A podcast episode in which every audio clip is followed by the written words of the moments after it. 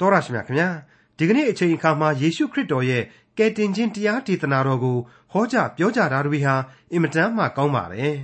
ဒါပေမဲ့အပြောကောင်းကောင်းအာဝဇုံရှင်ရှင်နဲ့ဟောပြောသွားလို့နားထောင်ကောင်းတာလားထာဝရရှင်မြတ်စွာဘုရားသခင်နဲ့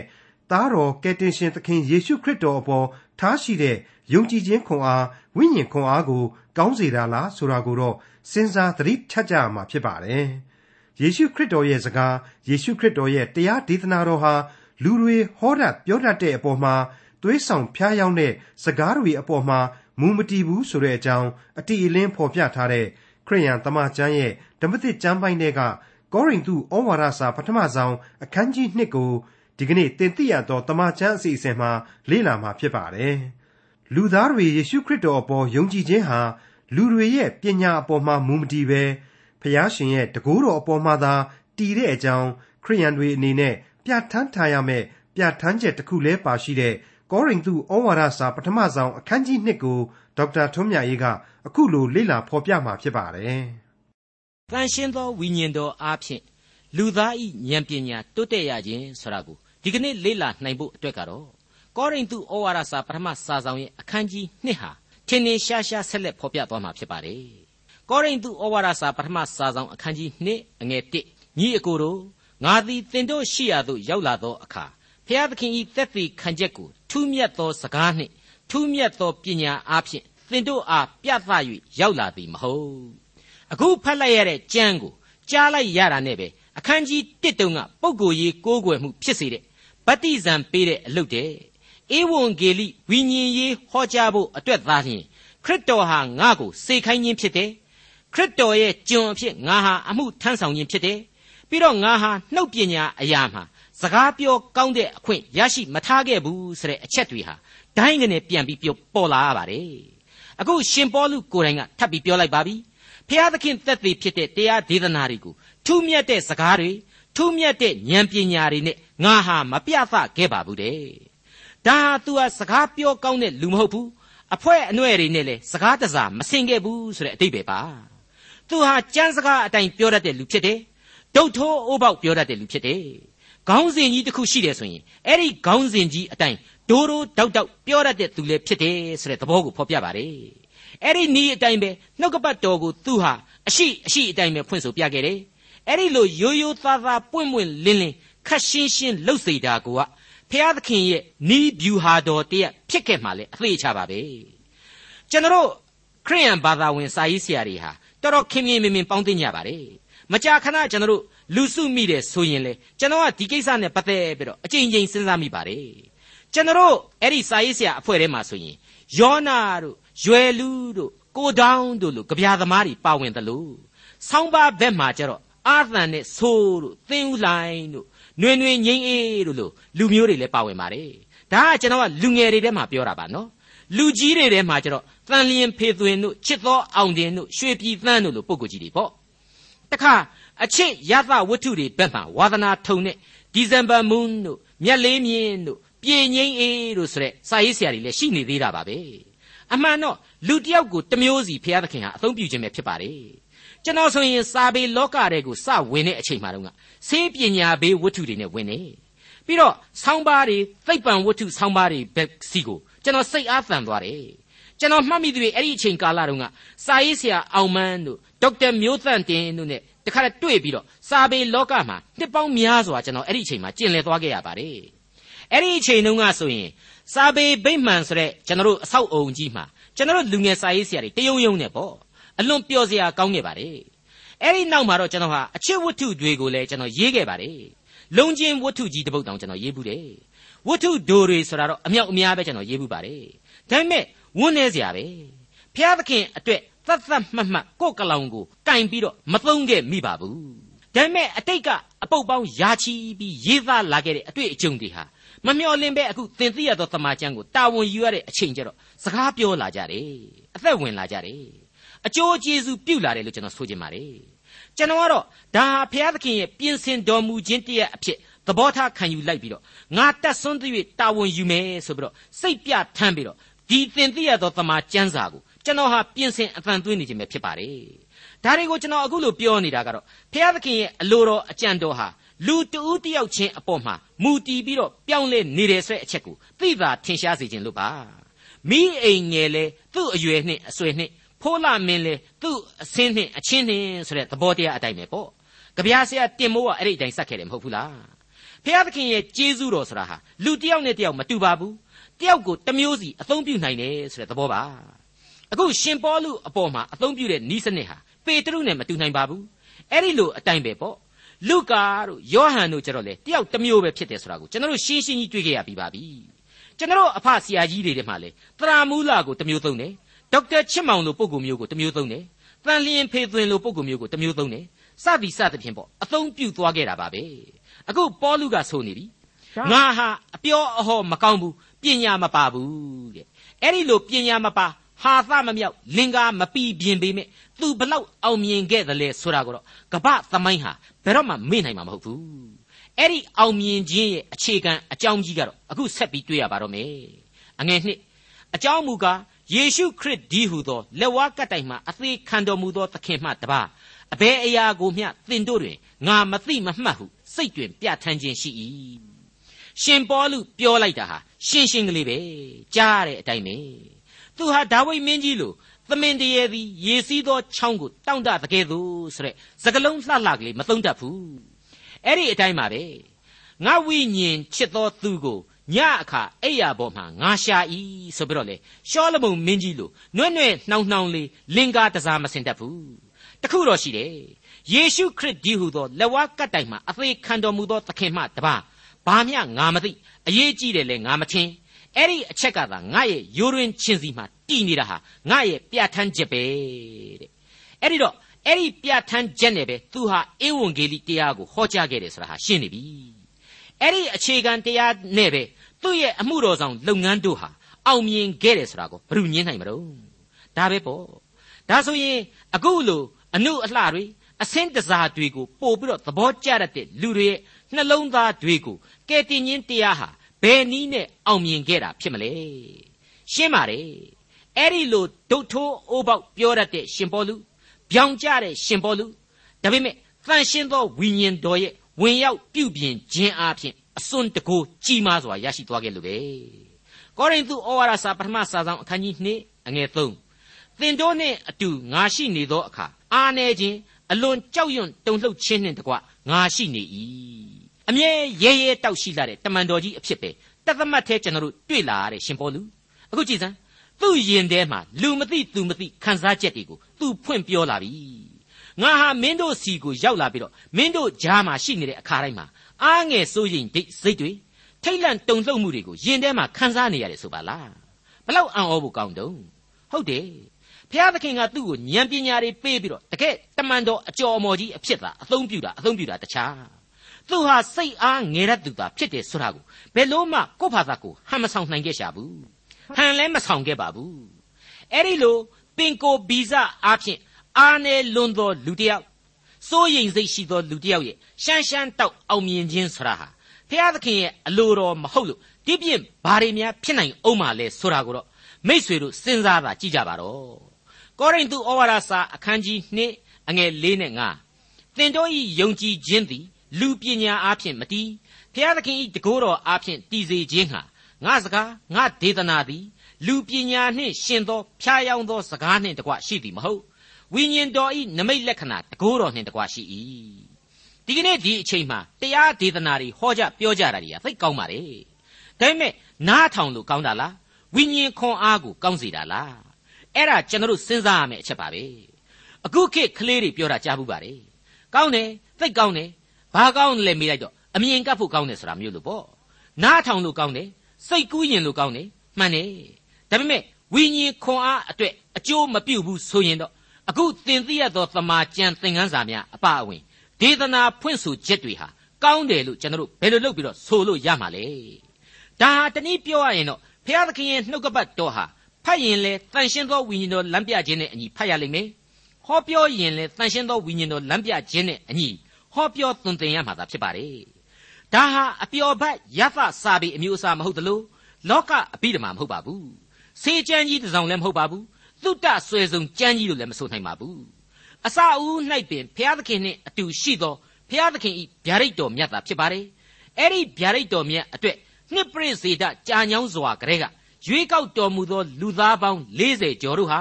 ဝိညာဉ်တော်လမ်းပြပို့ဆောင်ခြင်းနဲ့အညီစုပေါင်းရေးသားခဲ့တဲ့ နှုတ်ကပတ်တော်ဖြစ်တယ်ဆိုတာကိုကျွန်တော်တို့ဘယ်နည်းနဲ့မှမေ့ထားလို့မရနိုင်ပါဘူးဒီချမ်းထဲမှာပါတဲ့ဘုရားသခင်ဤတကိုးတော်အားဖြင့်ဝိညာဉ်တော်အားဖြင့်တည်ခြင်းဖြစ်တယ်လူပညာအားဖြင့်မတည်ဘူးဆိုတာကိုကျွန်တော်အလွန်တရာနှစ်သက်မြန်လို့မိပါတယ်မိษွေအပေါင်းတို့ရေဖန်ဆင်းတော်မူခြင်းဖြည့်ဆည်းတော်မူခြင်းသေခြင်းမှရှင်ပြန်ထမြောက်ခြင်းပန်ရှင်းသောဝိညာဉ်တော်ကိုချထားပေးခြင်းစတဲ့အမှုအရာအလုံးစုံတို့ဟာတကိုးတော်အားဖြင့်တည်ပါတယ်လူ အုံနှောက်နဲ့ညံနဲ့မမိနိုင်ပါဘူးတွေးခေါ်လို့မလွယ်ပါဘူးဒါပေမဲ့ဝိညာဉ်ခွန်အားပြည့်ဝရင်တော့ကောင်းကောင်းကြီးနားလည်နိုင်တယ်ထိရိမိမိခံစားထိတွေ့ရတယ်ဘလောက်အောင်အောင်ဖို့ကောင်းတယ်လေအဲ့ဒါဟာယုံကြည်ခြင်းတရားအဖြစ်ခံစားရတဲ့ကျေးဇူးတော်တက်တက်ဖြစ်ပါတယ်ဝိညာဉ်ရေးအလင်းတရားတွေလည်းဖြစ်ပါတယ်ဒါကိုလူပညာဉာဏ်တွေနဲ့သွားပြီးတော့တိုက်တာမနေကြပါနဲ့အဆင့်အတန်းချင်းကဘာမှမဆိုင်ပါဘူးဘယ်တော့မှလည်းရှင်လို့မရနိုင်ပါဘူး မဆိုင်တာကိုသွားတိုင်းလို့လေဘယ်လို့မှမဖြစ်နိုင်ဘူးဆိုတာကိုရှင်ပေါလုတမင်ဖော်ပြလိုက်ခြင်းဖြစ်ပါတယ်ကောရိန္သုဩဝါဒစာပထမစာဆောင်အခန်းကြီး2အငယ်6နဲ့9သို့တော်လေစုံလင်သောသူတို့အားငါတို့သည်ပညာစကားကိုဟောပြော၏ထိုသောဆိုသောလောကီပညာကိုမဆိုလိုပြဲပြောက်တတ်သောလောကီမင်းတို့၏ပညာကိုမဆိုလိုဤကဘာမတီမရှိမီငါတို့၏ဘုံအသရေဖြစ်စေခြင်းဟာဖျားသခင်စီရင်တော်မူသောပညာ နဲ့နဲသောအရာ၌ပွက်ထားသောပညာကိုငါတို့သည်ပြသကြ၏စောစောပိုင်းတုန်းကပဲနှုတ်ကပတ်တော်ဆရာဟာဖျားသခင်နဲ့အတူအစအဦးဆိုတဲ့အသင်ချေအသင်ချာကာလအနန္တကာလကလေးကတည်ခဲ့တယ်ဆိုတာကိုကျွန်တော်ပြောခဲ့ပြီးပါပြီနော်အခုဆိုရင်ရှင်ပေါလုကရှင်းပြနေပါပြီအဲ့ဒီဖျားသခင်နဲ့သာဆိုင်တဲ့စီရင်တော်မူချက်တွေဟာ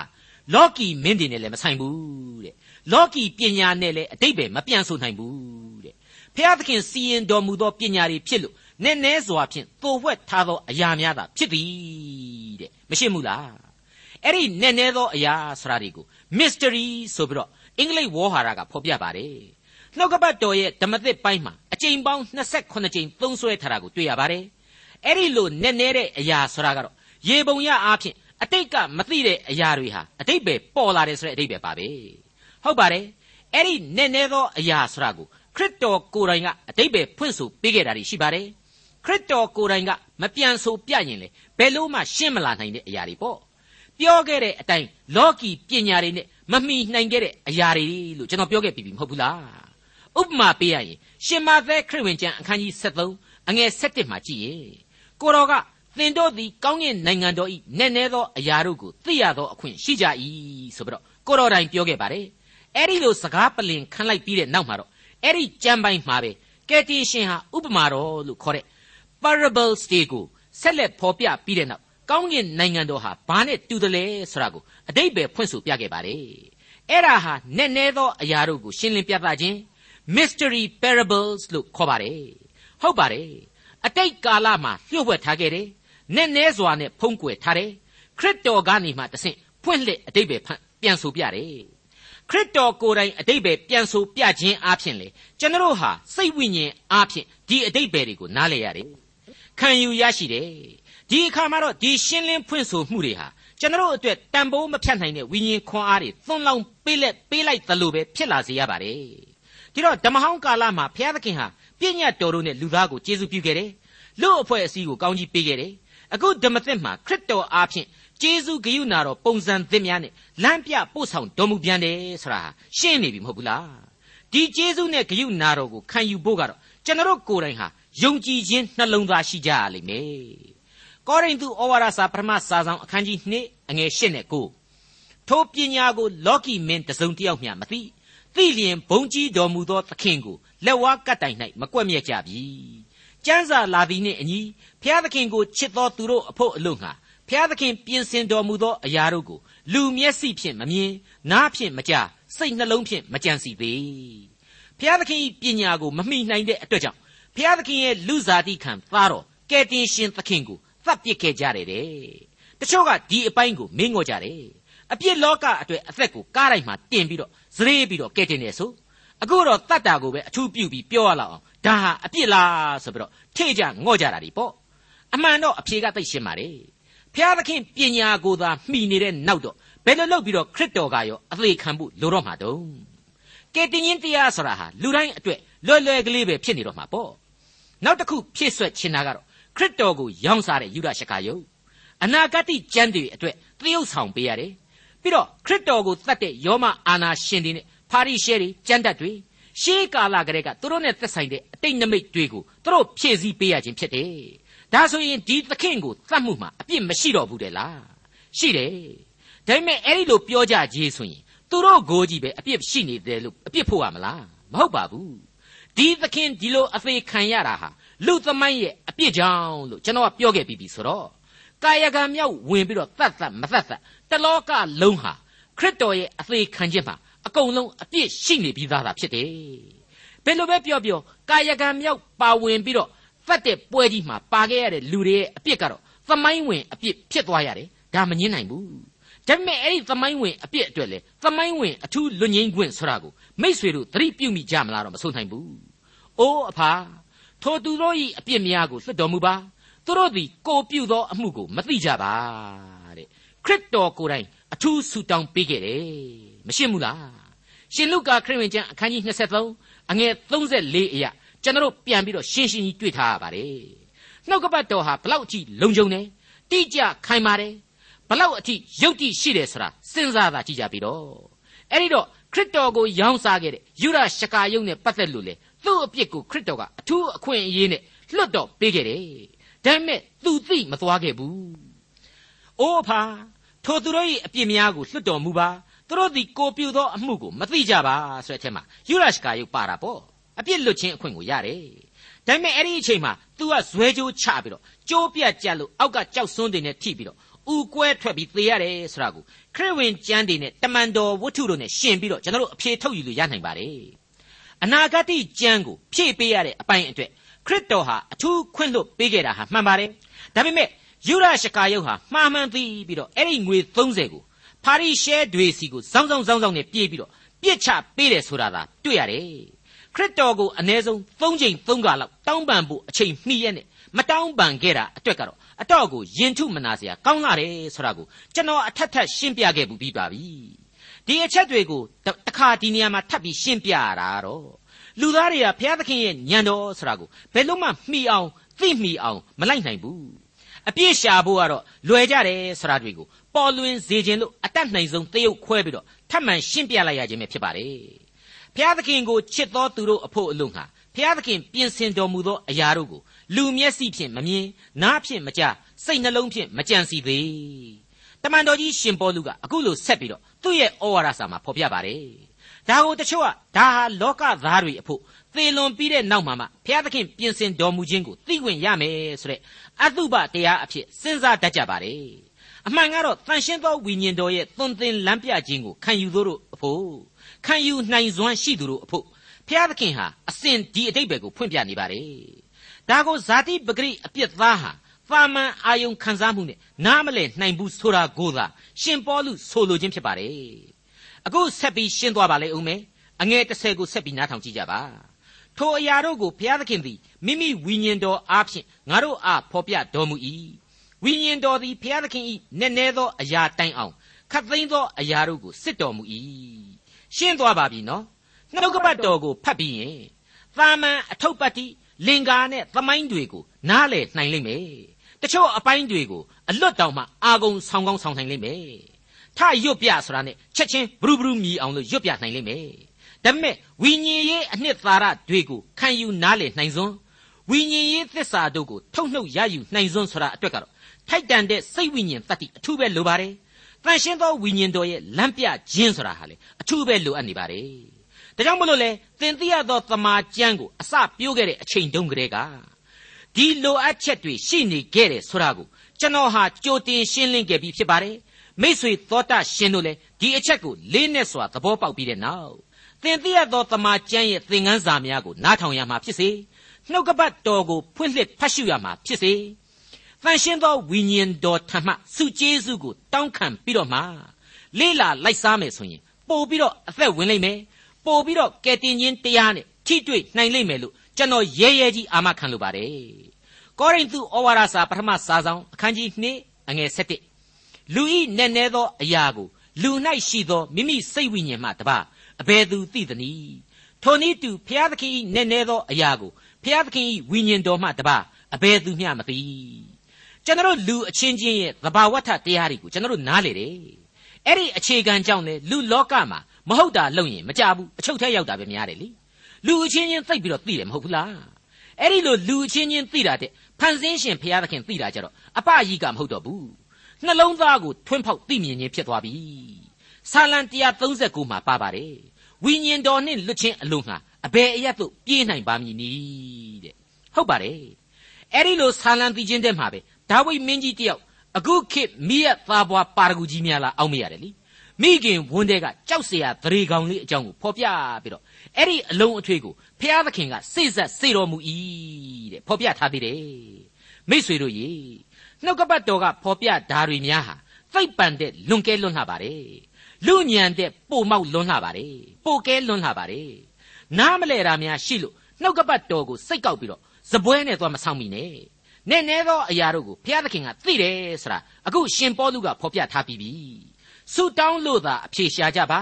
ဝိညာဉ်တော်ဤလမ်းပြခြင်းကိုခံယူကြပါနောင်တစိတ်နှင့်ဖတ်ရှုကြည့်ကြပါကောရိန္သုဩဝါဒစာပထမစာဆောင်အခန်းကြီး2အငယ်7မှ14ငါတို့သည်လောကီဝိညာဉ်ကိုမခံရကြဖျားသခင်ပေးတော်မူသောအရာတို့ကိုသိခြင်းအလို့ငှာဖျားသခင်ထံမှကြွလာသောဝိညာဉ်ကိုခံရကြပြီ ဖျားသခင်ပေးတော်မူသောအရာတို့ကိုငါတို့သည်လူပညာကိုအမိပြု၍နားလေသောစကားနှင့်မဟောတန်ရှင်းသောဝိညာဉ်တော်သည်ဝိညာဉ်နှင့်ဆက်ဆိုင်သောအရာကိုဝိညာဉ်စကားအားဖြင့်ဖွင့်ပြ၍ပဲ့ပြင်တော်မူသောစကားနှင့်ငါတို့သည်ဟောကြ၏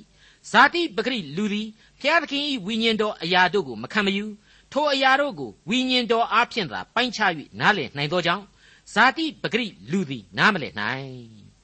ဇာတိပဂရိဆိုတဲ့အသွေးအသားရှုထောင့်ကနေပြီးတော့ ဖျားသခင်နဲ့ဆိုင်တဲ့အရာတွေကိုမခံယူနိုင်ကြဘူးတဲ့ဘာဖြစ်လို့လဲလေဇာတိပဂရိသမားအဖို့ဖျားသခင်တည်ရှိခြင်းဖျားသခင်မေတ္တာတော်ဖျားသခင်စီရင်ချက်ဆိုတာတွေဟာအမိုက်တရားတွေလို့မြင်တယ်ဆိုပြီးတော့ဖော်ပြထားတယ်လေဒါဘာဆန်းတော့ခရစ်တော်ကိုအရှင်းမယုံဘူးဆိုပါတော့ကျွန်တော်ပြောနေတာတွေဟာသာမန်အဆင့်တက်ပို့ပြီးတော့အဲ့ဒီနှလုံးသားကိုမထိတွေ့နိုင်ပါဘူးအကယ်၍ခရစ်တော်ကိုတော့မယုံပါဘူး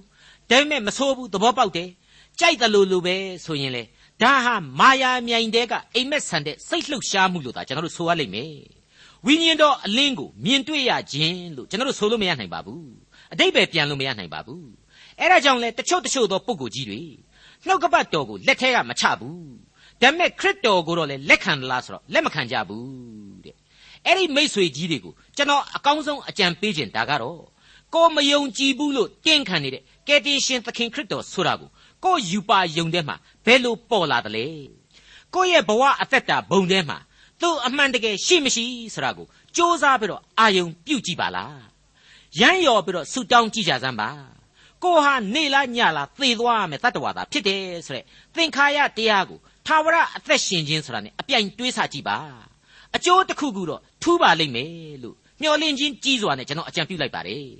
ရှင်ယောဟန်ခရစ်ဝင်ကျမ်းအခန်းကြီး16အငယ်73နဲ့74မှာ ခရစ်တော်အခုလိုမိန့်မှာထားခဲ့ပါတယ်။သမာတရားနှင့်ပြည့်စုံသောဝိညာဉ်တော်သည်ရောက်လာသောအခါသမာတရားကိုသင်တို့အားအကျွင့်မဲ့သွန်သင်ပြသလိမ့်မည်။ထိုဝိညာဉ်တော်သည်ကိုယ်အလိုလျောက်ဟောပြောမည်မဟုတ်။ကြားသမျှတို့ကိုဟောပြောလိမ့်မည်။နောင်လာလက်တန့်သောအရာတို့ကိုလည်းသင်တို့အားဖော်ပြလိမ့်မည်။ထိုသူသည်ငါဘုံကိုထင်ရှားစေလိမ့်မည်။အကြောင်းမူကားငါနှင့်ဆက်ဆိုင်သောအရာတို့ကိုယူ၍သင်တို့အားဖော်ပြလိမ့်မည်တဲ့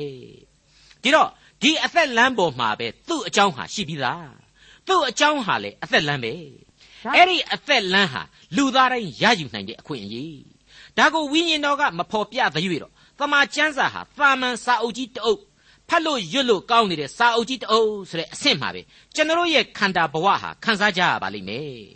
ကောရိန္သုဩဝါဒစာပထမစာဆောင်အခန်းကြီး2အငယ်15မှ16ဝိညာဉ်လူမူကားထိုအရာအလုံးစုံတို့ကိုပိုင်းခြား၍နားလည်တတ်၏ သို့တော်လည်းထိုလူကိုအဘယ်သူမျှပိုင်းခြား၍မသိနိုင်ထိုလူကိုသွန်သင်နိုင်မိအကြောင်းအဘယ်သူသည်ထာဝရဘုရား၏စိတ်တော်ကိုသိသနည်းငါတို့မူကားငါတို့မူကားခရစ်တော်၏စိတ်ကိုခံရကြ၏ခရစ်တော်ဆရာဟာလူစားတိကိုခံယူထားခြင်းဖြစ်ပါတယ်ဒါပေမဲ့ကျွန်တော်အပြစ်သားတွေကိုကိုစားပြုထားတဲ့ရုပ်ဝါနဲ့ဝိညာဉ်လူသားပဲဖြစ်ပါတယ်သူဟာကျွန်တော်ကိုအကျွင့်မဲ့နားလေတယ်ကျွန်တော်ကသူ့ကိုအကျွင့်မဲ့နားလေနိုင်ဖို့ရအလွန်ခက်ခဲလာပါတယ် မိษွေတော်တတ်ရှင်အပေါင်းတို့ခမညာခရစ်တော်ရဲ့ကားတိုင်းတော်ပေါ်မှာအသေးခံခြင်းဆိုတာဟာမိษွေတို့အတွက်အောင်မြင်ခြင်းဖြစ်စေဖို့အတွက်အသေးခံခြင်းဆိုတာကိုနားလည်နိုင်ကြပါရဲ့လားခံစားနိုင်ကြပါရဲ့လားဒီအသေးခံခြင်းဟာဘာအတိတ်ပဲမှမရှိတဲ့အမိုက်တရားပဲလို့ခံယူပြီးတော့သူ့ရဲ့ကယ်တင်ခြင်းကျေးဇူးဆိုတာဟာအတိတ်ပဲမရှိပါဘူးကွာလို့မိษွေယုံကြည်ထားပါသလားခံယူထားပါသလားအကယ်၍ခံယူသည်ရှိတော်လေကျွန်တော်အပြစ်မတင်နိုင်ပါဘူး တင်ပိုင်ခွင့်ကျွန်တော်မှမရှိပါဘူးမိษွေဟာဇာတိပဂရိလူသားသာဖြစ်လို့တန်ရှင်းသောဝိညာဉ်တော်ရဲ့အရာနဲ့မဆိုင်သေးသမျှဒီတရားဟာအမိုက်တရားသာဖြစ်နေလိမ့်မယ်အတိတ်ပဲကင်းမဲ့နေမှာဟာလေသဘာဝကြတယ်လို့ရှင်ပေါလုသွန်သင်ပေးလိုက်ပါတယ်မိษွေတော်တတ်ရှင်အပေါင်းတို့ခမညာဖန်ဆင်းတော်မူခြင်းရဲ့အစအဦးမှာကလေးကပင်ဖြင့်ဖျားသခင်ရဲ့အလွန်ချစ်သောဖန်ဆင်းကံတတ္တဝါလူသားဟာစာရမဏေရဲ့သိမ့်သွင်းမှုအောက်ကိုဇွတ် တိုးဝင်ချင်းကပ်ပြီးတော့ရောက်ရှိသွားခဲ့ရပါတယ်ဒါဟာလူသားကိုယ်တိုင်ကပါသွားခဲ့ရခြင်းပါဖျားသခင်နဲ့ကင်းဝေးတဲ့ဘဝကိုဆင်းသက်နှိမ်ပါခဲ့ရတယ်ဆိုတာဟာသမိုင်းရဲ့သင်ခန်းစာဖြစ်ပါတယ်သမိုင်းကြောင်းတစ်လျှောက်မှာလေဒီအချက်ကိုရှင်းလင်းစွာနဲ့ကျွန်တော်တို့နားလည်ခဲ့ရပါပြီဒါကြောင့်မို့လို့လေကျွန်တော်ဟာလူသမိုင်းဟာတကယ်တကယ်တော့အပြစ်သမိုင်းနဲ့စစ်သမိုင်းပဲဆိုပြီးတော့အကြိမ်ကြိမ်ပြောဆိုခဲ့ခြင်းဖြစ်ပါတယ်ဇာတိပဂရိလူဆိုတာဟာအဲ့ဒီအမျိုးအစားဖြစ်ပါတယ်သူဟာသူ့ရဲ့ဇာတိခန္ဓာမှာကိုက အပြစ်သရေဟာပါဝင်ခဲ့ပြီကောင်းမှုတွေဘလောက်မြတ်နိုးပြီးတော့ကောင်းအောင်ဘလောက်ကြိုးစားသည့်တိုင်အောင်ဖျားသခင်ရဲ့ကျေးဇူးနဲ့ဂရုနာတော်ကပါဝင်ဖေးမကူညီခြင်းမရှိသေး၍အချီးနှီးသောယုံကံကြိုးစားအားထုတ်ခြင်းသာဖြစ်ရပါလိမ့်မယ်သူ့အဖို့ကယ်တင်ခြင်းတရားဟာအရေးတကြီးလိုအပ်နေတဲ့အရာပဲဖြစ်ပါတယ်မှန်ပါတယ်လူသားတို့အဖို့သင်္ခါရမှအစဉ်သာဝရသို့လမ်းဟာသင်သိရသောတမာကျမ်းပဲရှိပါတယ်ခင်ဗျာ ဝိညာဉ်ပဂရိနဲ့သက်ဆိုင်တဲ့လူဆိုတာကတော့အဲ့ဒီလိုလိုအပ်တဲ့ကယ်တင်ခြင်းတရားကိုရယူပြီးထားတဲ့လူသားကိုဆိုလိုပါတယ်အပြစ်ဇာတိတော့အပြစ်ဇာတိအပြစ်ဇာတိမှန်ပေမဲ့ကယ်တင်ခြင်းတရားကိုလက်ကင်ထားပြီးပြီဖြစ်လို့သူ့ရဲ့ဝိညာဉ်အလင်းဟာသူ့အဖို့အသက်လမ်းကိုမြင်တွေ့စေပါတယ်နားလေခံယူနိုင်စွမ်းရှိစေပါတယ်အဲ့ဒီအသက်လမ်းဆိုတာကတော့တခြားမဟုတ်ဘူးအခုသင်သိရသောတမာကျမ်းပဲဖြစ်တဲ့အကြောင်းလေးစားစွာတင်ပြလိုက်ပါရစေ ဒေါက်တာထွန်းမြတ်ရေးစီစဉ်တင်ဆက်တဲ့သင်သိရသောတမာကျမ်းအစီအစဉ်ဖြစ်ပါတယ်နောက်တစ်ချိန်အစီအစဉ်မှာခရိယန်တမာကျမ်းဓမ္မသစ်ကျမ်းပိုင်းတွေကကောရိန္သုဩဝါဒစာပထမဆုံးအခန်းကြီး3ကိုလေ့လာမှဖြစ်တဲ့အတွက်စောင့်မျှော်နားဆင်နိုင်ပါတယ်။